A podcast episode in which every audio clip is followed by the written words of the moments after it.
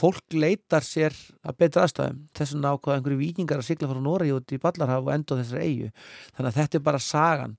Og ég held að það sé alveg, og ekkert held það er það neða í öllum skólakjörfum bara í Evrópu allavega Evrópa er svolítið svona svo sem hefur verið að standa þessu verkefni mest núna síðustu árin ára tvína Þa, þar er bara verið að horfa til þess hvernig við getum einhvern veginn nefnir lært hvert af öðru því miður hefur orðið þannig að í ákveðinu löndum þá hafa menn svolítið bara einhvern veginn að loka og búa til neikvæða mynd sem ég virkilega vona við munum ekki lendi hér. Því það er auðvitað annað verkefni sem tengist þessu að það er svona þjóðarniskend og þjóðarnisströymar sem hafa verið að horfa til og því miður hefur það svona kannski líka rataðan á borð kollega okkar í Európu að það að þurfa að vinna með það að, að vera ekki í, í, í þeirri hugsun.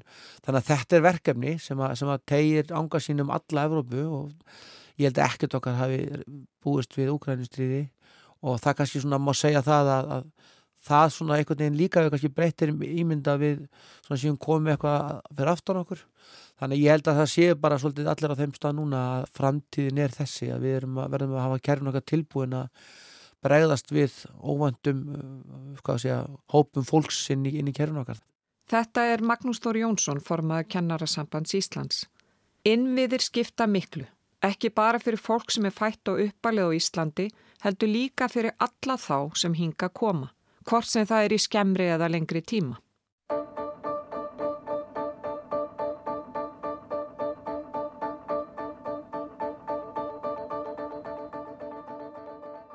Ég heiti Guðrún Haldunadóttir og þetta er þriðji þátturinn af sex í þáttaröðinni Ásjá þar sem fjallaður um málefni flóttafólks. Í þessum þætti veru fjallaðum innviðina. Mikið vega innviði eins og húsnæði, mentun og heilbriðistjónustu. Stjórnendur háleiti skóla Ásbrúk þekkja vel þær áskoranir sem skólakerfi standu frammi fyrir í því mikið vega verkefni að veita börnum jöfn tækifæri líkt á barnasáttmáli saminuðu þjóðana hveður áum. Sáttmáli sem var lögfæstur á Íslandi fyrir rúmun tíu árum síðan. Í annari grein hans segir Öll börn skulu njóta réttindast barnasáttmálans án tillits til kynþáttar, litarháttar, kynferðis, tungu, trúar, stjórnmálaskoðana, ættennis, þöllunar, félagslegra stöðu eða annara aðstæðna þeirra eða stöðu eða aðtapna fóreldra. Þrátt fyrir að bandarist herlið hafi horfið af miðnesheiðinni fyrir 17 árum þá minni margt á fyrir tíma þegar komið er á ásprú. Húsæs officeraklúpurinn og háaletti skóli sem er til húsa í gömlu skólahúsnaði hersins. Friðþjóður Helgi Karlsson skólastjóri segir að margt hafi breyst frá því að skólinn var settur á laginnar eftir að hérinn fór og, og íbúður hér fóru í uh, almenna leig og fyrst sem háskóla íbúður voru, það voru háskóla stúdendar sem að leiði hér. Þá voru börn þeirra hér í skólanum og það var svolítið rót á þeim tíma staldræði misaflega lengi við námi og svo framvegist það var útibú frá Njarvíkurskóla en var svo sjálfstæðarskóli fljótlega eftir hann hóf starfsemi. Við erum að tala um 2008 þetta hefur breyst mikið með bara þróun hverfisins. Hér er bara fólk eh, meira sem er komið til að festa rætur hér. Og skóli sem var innan við 100 nefndur á sínum tíma þegar hann var að byrja er nú í næri 400 og per stækandi Gert er ráð fyrir alltaf 20.000 íbúum á Ásbrú Innri Njarvík er að verða fullbyggð þannig að næsta uppbyggingarsvæði í Reykjanesbæ er hér á Ásbrú þar sem að byggðin er hansi gísin eins og hún er og mikil tækifæri til uppbyggingar til, til framtíðar. Hér er gert ráð fyrir sangat rámaskipulagi, hér verði ég alltaf upp í 20.000 manna byggð. Það er svona spennandi tímar framöndan í þróun og, og svona vinnu með líka bara svona samfélagsbrægin á þessu svæði. Þetta er svona, fólk hefur upplifað sem, sem, sem ekki hluta af Reykjanesbæ og það eru þetta það var slæmt að, að, að það sé með þeim hætti og samfélagi hefur svona verið að, og svona stjórnmálinn hafa verið að horfa meira til þess núna og bara almennt að vinna þetta svolítið markvist að fólkinu hér finnist að tilhera bæjarfélaginu sjálfsög eins og það gerist. Það upplýðir svona og börnin líka með ákveðnum mætti vera svona, já ekki hluti af heildar bara Reykjanesbæ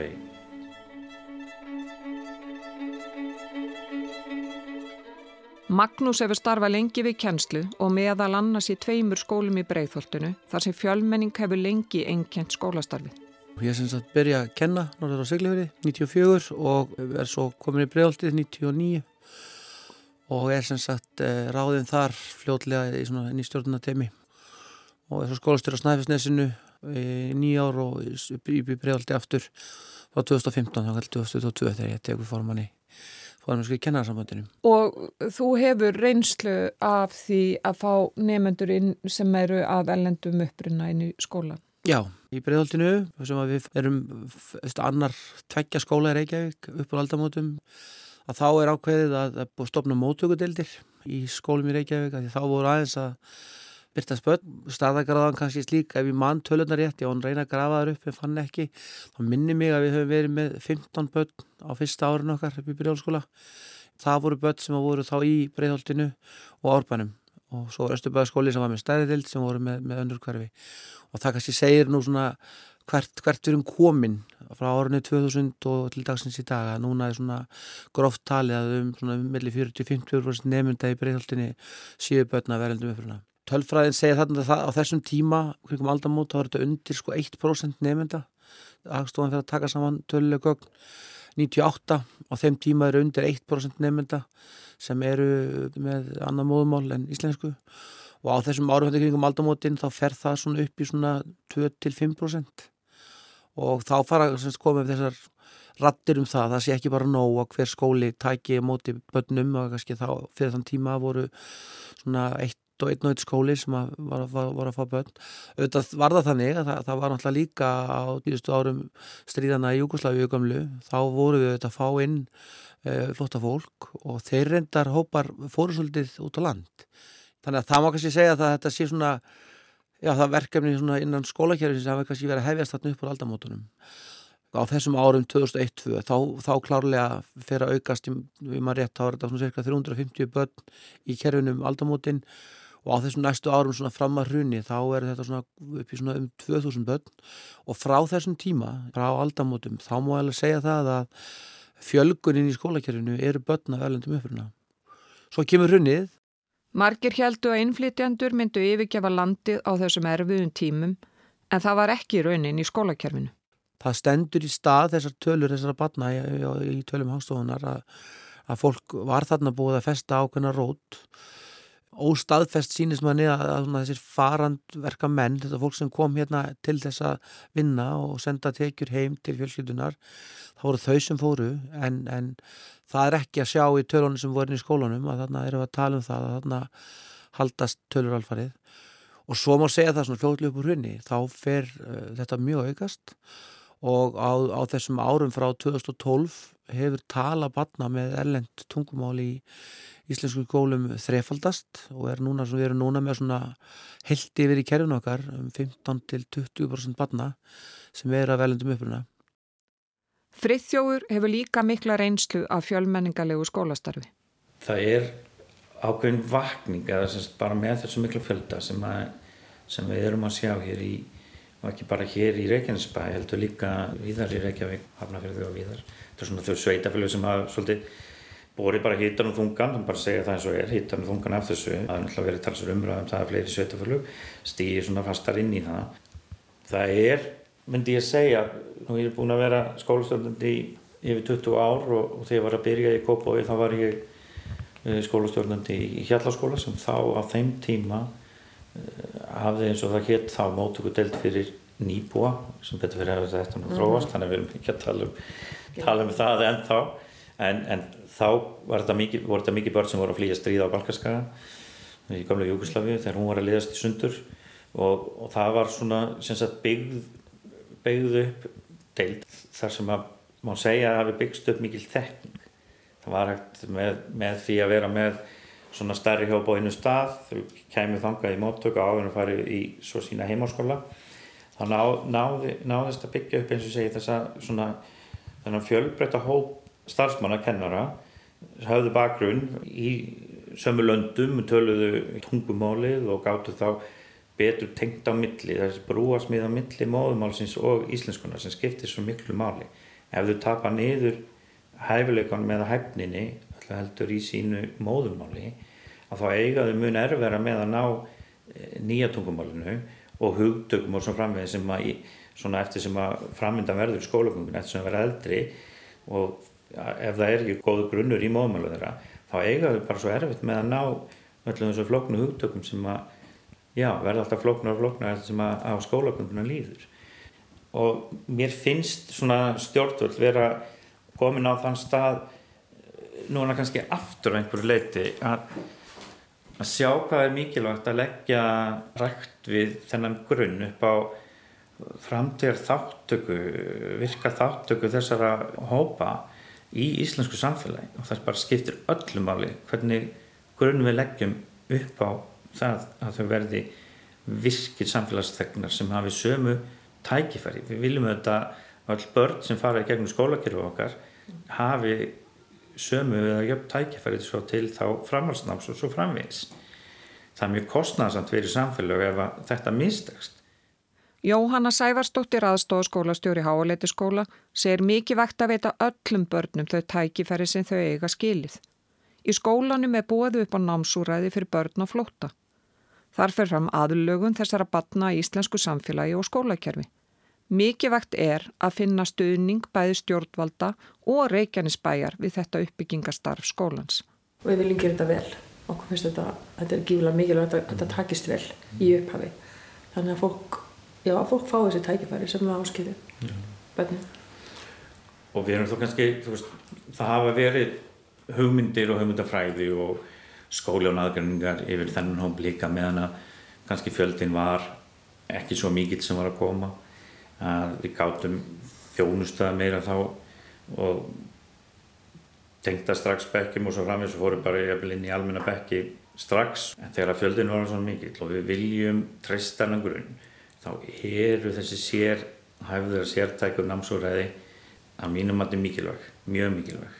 Og þá erum við, við erum alveg að horfa á þegar þú taka skrefin svo áfram að, að tengja þessum fyrst bekkjum að, að þessi inngilding takist sem best og þau læri að jafningum með íslensku sem sitt móðumál og svo framvegist þannig að þetta er ekki aðgrein hvað það var við erum bara að leggja ákveðin grunn og þau koma hægt og rálega inn í almenna bekki inn í samfélagi og svo framvegist með betri grunn þar sem þessi betur tilbúin og færar um að taka virkan þátt í í almennu skólastarfi. Og þetta eins og ég var að tala um á það skiptir bara svo miklu máli fyrir Íslands samfélag þetta eru börn sem hafa svo margir brunns að bera hæfileika og svo framvegis alveg eins og börnum í íslensku sem móðum þannig að það er aftur gríðarlega mikilvægt okkur takist vel til með grunninn upp á framtæðu þáttöku og þau hafi upp tækifæri til framhásnáms og svo framvegis Þetta lítur að vera talsveit álag á starfsfólk skólans að við vitum það bara að þú ert með ólíka hópa, það reynir á. Já, ef við tölum sérstaklega um, um hérna, börn sem eru að hælisleðendur. Ég kem inn að skólanum fyrir þreymur árum, er aðeins hérna eins skóla til því og eftir fyrsta ára mitt, það var um 290 nefndur skólanum þegar ég kem og nú er það um 400. Eftir fyrsta ára mitt var vaksandi þungi, nefndum fjölgaði talsvert sem voru að koma hér í leita alþjóðarvend þannig að 2021 fáum við leifi eða stöðning til þess að setja laginna sérstatt námsúræði sem við kvöldum nýhema og þanga komu nefndur í leita alþjóðarvend og við settum í raun og veru upp ákveðna námskrám fyrir þennan hóp byggða á aðnarskóla grunnskóla. Það sem við vorum að leggja fyrst og fyrst áherslu bara á svona þetta væri skjól fyrir þau þau fyndu örgi líu og, og allt þetta en horfa til auðvitað kænslu íslensku sem annars tungumáls lífsleikni kynna þeim þau eru allstað frá, kynna þeim fyrir svona íslenskri menningu íslensku samfélagi bara síðum og, og reglum og svona uh, og þetta lögðu við þessar áslug og fyrsta árið voru svona 30 nefnd sem voru að fara í gegnum þetta úrræði hjá okkur Sum voru svo pöruð við önnur sveitafjölög, önnur voru hér áfram í, í þessu sveitafjölög og enn önnur voru, fengu ekki, ekki hæli. Nefndahópinu tekur jáfnvel daldu örum breytingum en samt sem áður, sérstaklega hérna þegar við erum að byrja að setja upp þetta úrræði þá, þá tók allt ferðlega aðskaplega langan tíma og við vorum kannski komið með nefndur sem voru komin úr þessu úrræði og áfram að við förum bara eftir svona fórstíum, fyrsta til með í sambandi við íslensku sem manna tungumál. Þannig að þegar ná ákveðnum hefni við með það farið áfram í kerfin okkar. Og það var þannig að við, það voru kannski nefndur sem voru búin að vera hérna í þrjú ára og komið bara inn í almenna pekk með einhvern íslensku stöðning og voru búin að ná svo fyrir festa rætur hér og svo framvegins og þá var lóksins komið niðurstað í málverða eftir allan þennan tíma. Og það var raskapilega svona erfitt og sorgleitt að horfa upp á það að það væri verið að rýfa börninu upp sem voru búin að festa rætur, egna sína vini félag, upplifa öryggi og allt þetta og svo bara eftir allan þennan tíma og við lítum bara á það sem í raun og veru bara vanettinsbort að vera að brjóta þessum börnum þegar að svona er unni.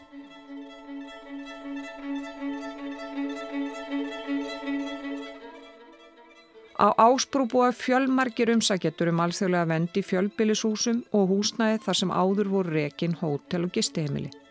Með þessum greiðarlega fjölda, við getum bara orðað það, það er greiðarlega fjöldi sem, að, sem er að leita til okkar í, koma til okkar í leita alþjóðlega vend og þá hefur auðvitað, því hefur fyllt þrýstingur því okkur ber bara samkvæmt alþjóðlega sam, samning að veita ákveðna grunn þjónstum og, og þá hefur ríki og vinnumálastofnum fyrir hönduríkisins leita allar leiða til að þetta fólk getur fengið húsnæði. Og hér hefur verið húsnæði bæði eins og þetta nefna í þessum hótelum eða gísteimulum sem voru hér starrækt en oftar en ekki er þetta aðstæður sem að Íslendingar almennt myndi ekki láta bjóða sig. Það er, það búið mjög þröngt þannig að þetta er ekki svona einhverja luxus aðstæður sem fólk býr við. En talsvert mikill fjöldi hér vegna þessar aðstanna sem hér eru. Þannig hér eru mjög margir hælislendendur búsettir. Hvað eru að tala um marga? Við erum að tala um, held ég, svona reyflega þúsund, þúsund manns og það snýrað okkur og skiptir okkur máli. Við, við munum alltaf taka afstöðu með börnum. Það er bara okkur hlutverkar lúa bara þeim börnum sem kom til okkar hvað sem þau eru þannig að við munum alltaf taka afstöð með þeim. Þau eru með sínu fóreldrum eða tengiluðum eða skildfólki og svo framvegis og taka ekki ákvörðin sjálf um að koma engað og við vitum bara hvað börn eru viðkvæm á ákvörðum aldrei og þurfum á því halda búið við öryggi og, og reglu og virkni og allt þetta. Það sé svona rútín og rammi í þeirra lífi Fulltrúa ríkisins og Reykjanesbæjar á samt háaleitiskóla settust til niður um síðustu áramót og hófu undibúninga nýju námsúræði fyrir börn og flótta sem hefur fengið nafni þriðheimar og er til húsa í offiseraklubnum. Þegar ég heimsótti Frithjóf og Jóhann og Ásbrú var undibúningurinn á lokametrónum. Það eru 104 börn núna sem hérna koma inn í það námsúræði sem er þá byggt af því sem að ég var að tala um áðan, varandi nýhema við kvöllum þetta nýja úrraði friðheima. Byggjum á þessari hugmyndafræði sem ég var að tala um áðan og vera með þið í lótum í ákveðnum ákveðum marga tíma þá í þessum svona grunn greinum sem við leggjum áherslu á. En svo tengjum við tómstundóraði við það líka. En þetta eru yfir hundra börn og þetta eru börn sem eru einmitt enn að býða. Eitt af því sem að flestir tala um er þessi langi byggtími. Finnið ekki fyrir því gagvart ykkar skjólstæðingum?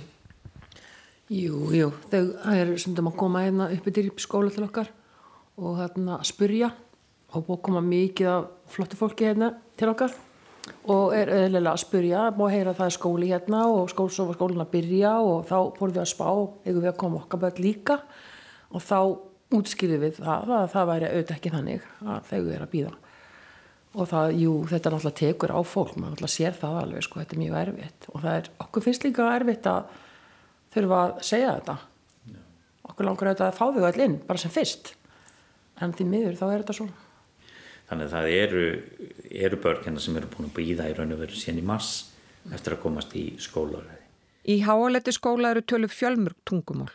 Og við auðvitað erum með sérteknámsúræði þar sem við erum að taka móti börnum sem eru börn innflyttinda og, og eru koma hér allstaraðir raun og veru sem eru ekki á flóta. Þannig að fjölminningi hér sem við horfum á sem fjársjóð, sko, það eru hvað, 60% nefnda sem eru tvíða fjöldingd í skólanum. Þá er raun og veru utan þennan hóp sem er að koma til viðbótar. Og hann er hluti af þessu skólastar sem við erum með hér. Þannig að það likur fyrir að hlutfall þá nefnda sem eru tvíða fjöldingd að mun fara vaksandi eftir sem að þeim framvindan verður og þau ná tökum á íslenska málunum. Það er, það er alls, ég held ég, 30 tungumál sem er tölvi sko. Já, ég ætlaði um þetta að spyrja, hvað, hvað er mörg þjóðverðni? Já. Við það er alveg örgla um 30 sko, mm. ég er alveg vissun það. Börn með pólska, póls, pólska mámáli er, er stærsti hópurinn, mm. en hér er líka talsastór hópur með arabísku eða ímis undir, já, undir tungumál undir arabísku eða málskur svo framvegs. Þetta er fjölþjóðlegt starf hjá okkur og það er kræfjandi mm -hmm. að hérna fyrir starfsmenn skólans að vinna með svona fjölbreyttan hóp og það er ótrúlegt hvað fólk er að lösta með þannig að við erum með ótrúlega flott starfsfólk sem að mætir þessum hópi bara miklu mikillir virðingu fyrir mismöndi hérna, menning og trúabröðum og svona framins og, og, og, og draga fram styrkleika hjá hverjum og einum þannig að hérna, þetta verði skólasamfélagi endurspegli þennan fjölþjóðlega hóp nefnda sem að hér stundan á.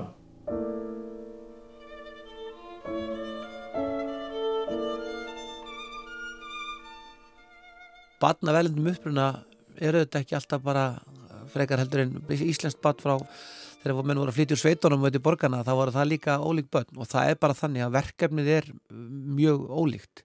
Og það er þetta verkefnið að fá einn börn sem að þekk ekki stafróðu okkar, þekk ekki hljóðinn og þau eru á allt örum stað menningarlega það eru þetta verkefni sem er ekkit síður málið heldur en bara það einhvern veginn að taka mótið bjóðu velkomin í skólan ef við horfum á til dæmis löndin í kringum okkur og við erum svolítið verið að horfa til Svíþjóðar og Danmerkur þar leggja þeir bara einfallega það markmið á skólakerfið að barn útskrifist úr sínu skildunámi hafi náða ákveðni færni og það er þessi að það er engin afsökun fyrir öðru.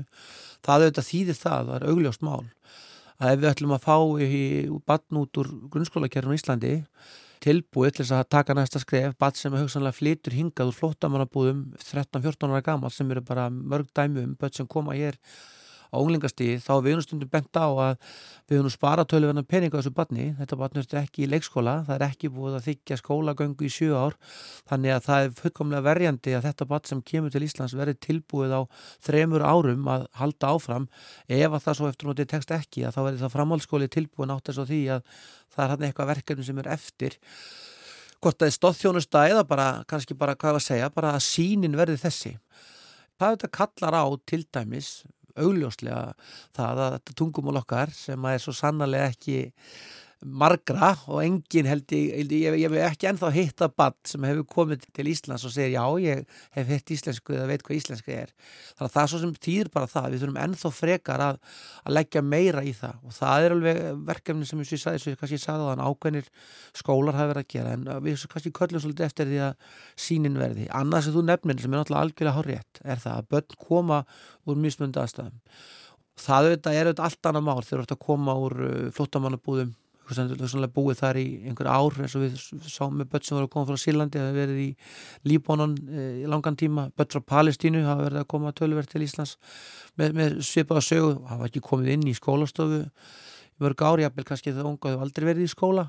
Þar eru við líka á þeim stað að kannski eiga í pínu vanda með það, okkur vanda líka ákveði fagfólk og þar kemur oft inn tungumálið sem er svona ákveðin vandi. Við erum, við erum að vinna alls konar hluti í, í kerfunum okkar sem að tengjast í að koma til mótsöpöld saman hvort það eru aðstofsálfræðinga greiningar á ákveðnum eiginleikum barna sem að miðast á íslensku. Við erum ekki ennþá komin ekki einu sinni með þessi greiningapróf öll á, á þinn tungumálinn sem eru líklegust að hjálpi. Við höfum sagt það í skólakerfinu það er ekkit nóg að barni sem kemur frá Úkrænu eða frá Filipsinu og hvað er séu búið að fá skólavist Þa, það er eitt mælikvarði. Það er svona, það er svolítið eins og bara grunnþörfinni þarf að vaskla þegar ég vakna. En ef ég á nærast að þá er ekki nóg að, að setja minn í eldhús sem, er, sem er það hugsanlega tómt sko, þá nærist ég ekki. Og við höfum svolítið verið að benda á það að það hefur kannski áherslan hefur rosa mikið verið svo að finna börnum skólavist. En menn hafa kannski ekki náð að uppfylla það að börnin sé að fara öll að fara að fá það sem við viljum að skólinn standi fyrir. Það er klálega verkefni og er svo sannarlega Eh, skólinn er ekki lengur bara mentastofnun, er, er mentastofnun en þetta er samfélagslega stofnun sem að, sem að áefla félagsfærni og tengsl, tengslfólks og þar höfum við klárlega verið í ákveðinu vanda sem við verðum að, að horfa reynskili framann í og, og, og finna leiðir til þess, að, til þess að gera betur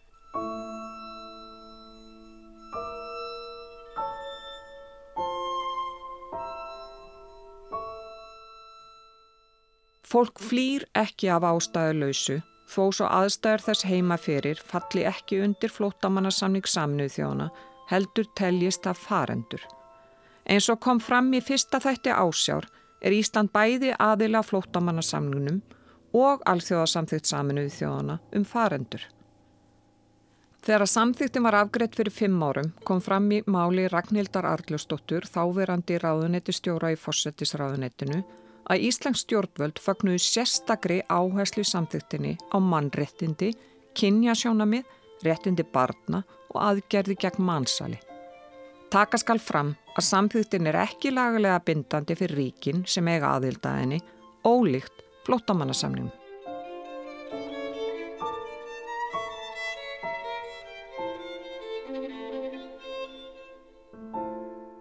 Með því mikilvægasta í innviðum hvers ríkis er aðgengja húsnæði og heilbreyðsjónustu. Og það er skortur á húsnæði á Íslandi, ekki síst á höfuborgarsvæðinu. Bitist er um íbúður á leikumarkaði og heiminháar fjárhæður nefndar. Þetta hefur orðið til þess að hópum er stilt upp sem anstæðingum ákveðnum miðlum og jafnvel talaðum að flóttafólk taki húsnæði frá öryrkjum og öðrum sem búa við þröngan kost. Sögur fara af stað á samfélagsmiðlum, mögulega án þess að sannleik skildi þeirra sé rannsaka. Holmfríði Bjarnadóttir skipilasfræðingur er skrifstofustjóri húsnæðis og skipilasmála í innviðaránetinu. Að vinna húsnæðis öryggi er á ottinu hjá ráþæra og það er einnig í stjórnarsáttmálanum og það verður ekki tryggt nema að setja staðana í lett frambóða húsnæði og fyrir alla þá hópa sem áta samfélagið. Og Grundvöllun er að aðgengi örugu húsnæði eða heimili er grundvallathörf hvers einstaklings og það gildir fyrir alla hópa. Bæði þeim sem geta þurfa ekki að stuðningu að halda en þurfum við náttúrulega sérstaklega að sinna þeim sem að þurfa stuðning ríkisins eða sveitafélagana. Og þetta er líka þjóðhæðslegu stöðuleiki sem dreygur ójöfnuði, hvernig til þjóðhæðslega stöðuleika og þetta er samili framtíða sín ríkis og sveitafélaga sem við erum að vinna með. Það er náttúrulega mismunandi hópar sem er að fá stuðning en þetta kerfið er samt að sinna þeim sem þurfa stuðningi að halda. Hvort sem það eru láluna þegar, öryrkjar, fallaðir, hælisleitendur, stúdenda líka og eldri. Svo þetta eru þeir hópar sem er að fá þessar íbúðir sem að fá stoppframlög sem er þá öryrkjar leigu íbúð til langstíma. Vegna skors á húsnæði hefur fólk neðist til að búa í húsum sem ekki eru ætluti búsettu jafnvel í húsnæði þar sem lífi fólk er ógnað líkt á dæmin sína. Það að, að fólk búi í óýbúrhæfi og húsnæði sem ekki er hugsa til búsettu að það er að sjálfsögðu afleiðing af því að það er ekki nægilegt frambóð og með því að auka frambóðsliðina þá er það okkar leið til þess að koma í veg fyrir þetta. Hins vegar á meðan þetta er staðan þá erum við einnig að vinna því að tryggja að brunavarnir séu tryggðar í þessum íbúðum og það er frumvarp sem er í, í undirbúningi sem er líka lagt fram núna á haustþengi þar sem við erum að breyta ymsum öðrum lögum varðandi skráningu fólks og að, að slakkulegði viti hvar fólk er búsett og að tryggja að þeir sem að eru með þetta eitna, búa á, í, í slíku húsnaði séu ekki í hættu. En að sjálfsögðu er þetta ekki það sem við viljum sjá og viljum útrýma og það séu aðri búsetu kostir til bóða. Í rammasamningi sem ríki og sveitafélögum gerði við fyrra er hveðu áum að auka frambóðu húsnæði og stuðla stöðuleika og jafnvægi á húsnæðismarkaði á næstu árum. Sangvært samningnum er talin þörf á að byggja 35.000 íbúður á tíu árum og þaraf að lámarki 4.000 íbúðir á ári fyrstu fimm árin. Gerður hefur verið samningu við Reykjavíkuborg um uppbyggingu á 16.000 íbúðum á næstu tíu árum. Sérstök áhersla er lögð á uppbyggingu félagslega íbúða, vistvættin og hafðkvamra íbúða á viðrónlegu verði og hlutfallega þessum 16.000 verði 35%. Það var ákveðið núna á vormánuðum að yrði hækkun í stoppframlegum, að stoppframlegum eru tvöfölduð og þá er talað um stoppframleg og það eru leigu íbúðir með mótframlegi sveitifélagana og 70% þessar uppbyggingu er áforma á höfuborgarsvæðinu og 30% er það landsbyðinni. Annað sem að er einni hefur haft áhrif nú þegar að það eru rýmkuð við mig fyrir hlutaldalánin. Það reglugerðin var uppfærð í júni og það eru fleiri íbúð sem uppfylla skilirði fyrir hlutaldalán. Hlutaldalán eru lán sem er veitt til þeirra sem eru að, að, að kaupa fyrstu egn og það eru kröfur um hversu mikið íbúðna með að kosta, hversu há laun viðkomandi hefur og annars líkt en það var rýmkað svo að það eru fleiri íbúður sem falla undir þetta. Og þetta getur verið hvaða íbúður það er ekki sérstaklega hús fyrir hlutaldalana íbúður heldur þetta getur, eru íbúður sem uppfylla þessi skilirði 5% af þessum íbúðum hafðkvæmi íbúðum eru félagslegar íbúður og það er, það er þær íbúður sem seita fjölögin það er annar hópur en þeim sem er að fá stofnframlegin E, sveitafélagin þetta er unni, er verður að vinna til saminningu og hlutdeild sveitafélagsins getur verið að skaffa byggingalóðir, gera eitna, lóðir byggingahævar og annars líkt. Svo þetta þurfu ekki að vera bein fjárframlög frá sveitafélagunum. En það er grundvöllur að þetta sé samstarf millir ríkis og sveitafélaga. Og það er áhersla sem er lóð og það bæði varandi húsnæðisáallannar sem eru uppfærðar árlega sem sveitafélagin skila til HMS og einni með ramasamningum og samningum með einstaklega sveitafélag varandi uppbyggingu í því sveitafélagi.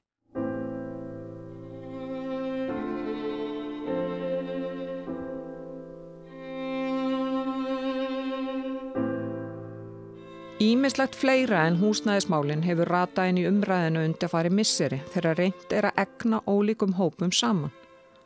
Má þar að nefna heilbreyðsjónustu. Að flótta fólk og farendur njóti þjónustu umfram aðra og útlettingar sé að sliga heilbreyðskerfið.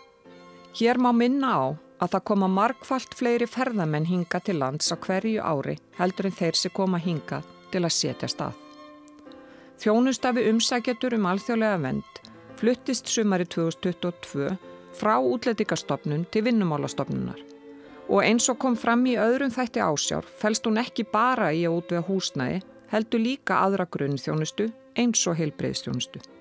Að sjálfsögðu leitar þessi hópur á bráðamótökuna líkt og aðri sig glíma við bráðamanda en þess má geta að fleiri farþegar skemmtifæraskipa leita til sjúkrása landsins heldur en flótafólk. Elsa Hrund Jensdóttir, hjókunafræðingur hjá Vinnumálastofnun, sinnir umsækjatum um alþjóðlega vend bæði í Dómus og á Ásbrú. Við komum inn í þetta starf 1. desember síðastlinn og þá byggðu bara eftir okkur tölva og skjáir og gjör svo vel. En við höfum fengið að móta starfið svolítið sjálfar sem er mjög skemmtilegt. Og höfum sett þetta upp þannig að við erum í rauninni með hjúgrunna mótöku á mótnana þar sem fólk bókar hjá okkur tíma. Það er að segja þeir sem að óska eftir einhvers konar læknisaðstóð. Og við þá svolítið bara forgangsflokkum, ráðlegjum, leiðbeinum, komum fólki á réttanstæði kerfið. Mikið af þessu getur við leist sjálfar og oft er þetta bara leifinningar um almenn veikindi eða minni áttar slís eða annað slíkt. Uh, það sem við þurfum að senda áfram reynum við þá að senda annarkvort á helsugjastlur eða sjúgrás eftir atvikum og það sem ekki telst sem nöðsynlega helbreyðsjónst að það fara að býða. En við erum bara í að í rauninni hjálpa þeim sem við getum sjálfar og koma hinnum á réttastadi. Því að það var orðið þannig og er eiginlega bara þekkt vandamála þessi hópur þekkir ekki helbreyðskerfið í því landi sem það er lendi í og þá verður þetta oft svo að fólk leitar á villsa staði sem að veldur núningi. Þannig að við erum svona líka að reyna bara að passa upp á að fólk fari réttalið. Já, þannig að fólk end ekki bara á bráðamótökunni það sem eru langar með hverf, en það þurfi ekki að býða þar í 14 tíma ef við getum lest málið á betri hátt fyrir alla. Svo eru við að mikið að ágreða fólk með liv, það kannski er vant að vera á mörgum livjum og kemur svo livjalust hinga, það er stórpartur Svona hitt og þetta, þetta er afskaplega fjölbreytt, alveg úr því að vera bara eitthvað sem okkur finnst valla taka því að sinna og yfir í bara bráðnöðslega, lífsnöðslega veikindi. Heilsugjæsla meiti flóttamönnum, umsækjandum um alþjóðlega vend og öðrum innflytjandum frá löndum utan Evróska efnahagsvæðisins heilbreyðu skoðun eftir komuna til landsins. Ein af ástafunum fyrir því að við erum ráðunar í þetta hlutverk er að í leiðbenningum um heilbreyðstjónustu fyrir þennan hóp stendur að fyrsta aðkoma í heilbreyðskerfunu er að vera á göngudelt sótvarna sem að er á fjórðuhæðinni í Dómus. Og það stendur líka að það er helst ekki að líða meirinn 14 dagar frá því að fólk mæti til landsins og þanga til að það er komið í þessa skoðun. Raunin var orðin, svo að byggtíminn var orðin alveg þrýr mánuði pluss af því það kom svo stór hópur hér á sama tíma og það ætla bara annaði því ekki kerfið. Svo við erum líka svolítið að taka þetta millibilsástand. Og hvernig þarf fólk að greiða fyrir þessa þjónustu eða er þetta nei, bara, nei? Nei, hún er alveg gælt frjáls. Þau greiða fyrir lausasölu liv og annað sem við þurfum að beina þeim að kaupa en ef þau fara til læknis eða fá uppáskrifu liv koma til okkar þá er það gælt frjálst. Gott samstarf er á milli heilsugjastlunar í dómus og vinnumálastofnunar. Þau láta okkur vita ef að inn á þeirra borð kemur einhver með flókin helsfarsvandamál sem við höfum ekki hitt á þur og sama ef að fólk kemur fyrst til okkar þá reynum við svona að koma þeim í fyrirfallinu aðniðri af því þar er heimilisleikni starfandi og jafnvel tveir þannig að við getum fengið aðstóð þar. Þannig að við svona svolítið grípum boltan hvort hjá öðru eftir því sem við á. Starfið er afskaplega fjölbreytt og skemmtilegt í rauninni. Það er þótt upplegið af vinnudeginum sé alltaf það sama, þá eru þessir hópar, þetta er ekki einsleitur hópur fólks, þau eru að koma allstaðar að og með mismunandi upplifanir og, og farangur. Svo að það er ímislegt sem að dúkar upp hjá okkur sem að maður hefur aldrei hýrtu með að séða áður og þarf svolítið að finna út úr hlutunum sem getur verið ofsalega skemmtilegt. Þetta fólk sem er að koma hinga, það hefur kannski upplifað skjálfilega hluti mm -hmm. og kannski hefur ekki notið heilbreyðistjónustu að neinu marki áður. Nei, og það er nú kannski það sem er einna erfiðast finnst okkur að við vinnum sjálfsögðu eftir lögum og reglum og okkar þjónusta er skilgrend sem neyðar þjónusta. Við hefum ekki að veita læknisaðstof sem ekki nöðsynleg. Bönnin lúta öðrum reglum og fá tölvöld meiri þjónustu öldur en fullornir en Ofti fólk búið að vera einmitt í mjög erfiðum og umulum aðstæðum svo árum skiptir, bæði heimalandinu og svo á ferðinni hinga og telur sér verið að lenda í mun betri aðstæðum hvað var að til dæmis helbriðismál en á meðan það er ennþá umsækjendur um alþjóðlega vend og ekki komna með stöðu flóttafólks þá á það ekki rétt á þjónustu sem ekki talin nöðsynleg. Og þetta getur oft verið frekar umulegt að þurfa að segja fólki að það þurfu bara áfram að býða með sín vandamál. Ef við tökum eins og til dæmis tannleikna þjónusta og slikt, fellur það líka undir ykkur? Mm, það er svona ólíkt eftir því hvað er að. Bráð tannpína og önnur bráð tannvandamál uh, þeim er synd. En uh, fólk sem er í tannréttingum og kemur ringað og er ekki búið með sitt ferli, það fellur til dæmis ekki undir neða þjónustu. Þetta er neyðar þjónusta sem þið veitir. Já. Ég fæ ofta að heyra það þegar ég segi fólki hver ég vinn þá ég mist finnst fólki það frábært eða ég sé að svipunum breytist og þarf aðeins að vanda mig hvernig ég tala. Það er ofta þessi miskilningur að, að þessi hópur hafi það svo rosalega gott. Þau fái frít fæði og húsnæði og fría læknistjónust og tannlækna þjónust og annað en ég held að fólk myndi skipta hrátt um skoðun að það þurft að vera þeirra spórum í eina viku. Þegar þetta er engin lúksur sem við bjóðum upp á þó við reynum auðvitað að búa öllum eins vel og við getum þá held ég að flestum íslendingum þetta er erfitt að lifa við þessar aðstæðu lengi. Formaður kennarasambansin segir að Ísland sé ekki eiland þegar kemur á málefnum flótafólks. Það má alveg segja það að uh, þetta sé svona stóra verkefni í Evrópu.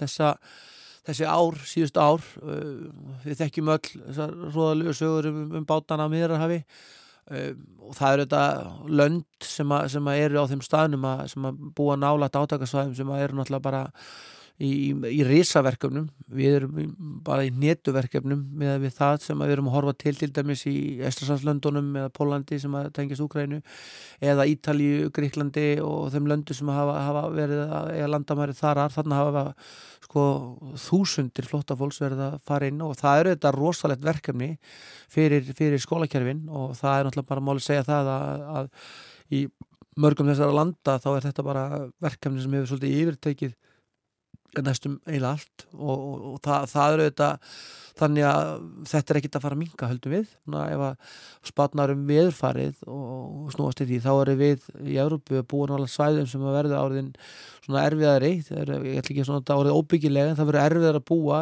eins og við sem kannski séð núna bara skóareldar, mikil flóð, það eru, það eru mikil hitti sem að hefur þýtt að fólk leitar sér að betra aðstæðum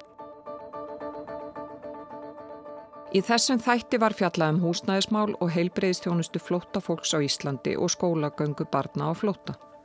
Í fjörða þætti ásjár verður áfam fjallað um börn á flótta og þó engum fylgdalus börn sem hér leita ásjár. Það sem afir ári hafa um 12.000 börn flúið yfir miðjarahafið án foreldra sinna eða forsjáraðila. Þetta er um 60% aukning frá árinu 2022.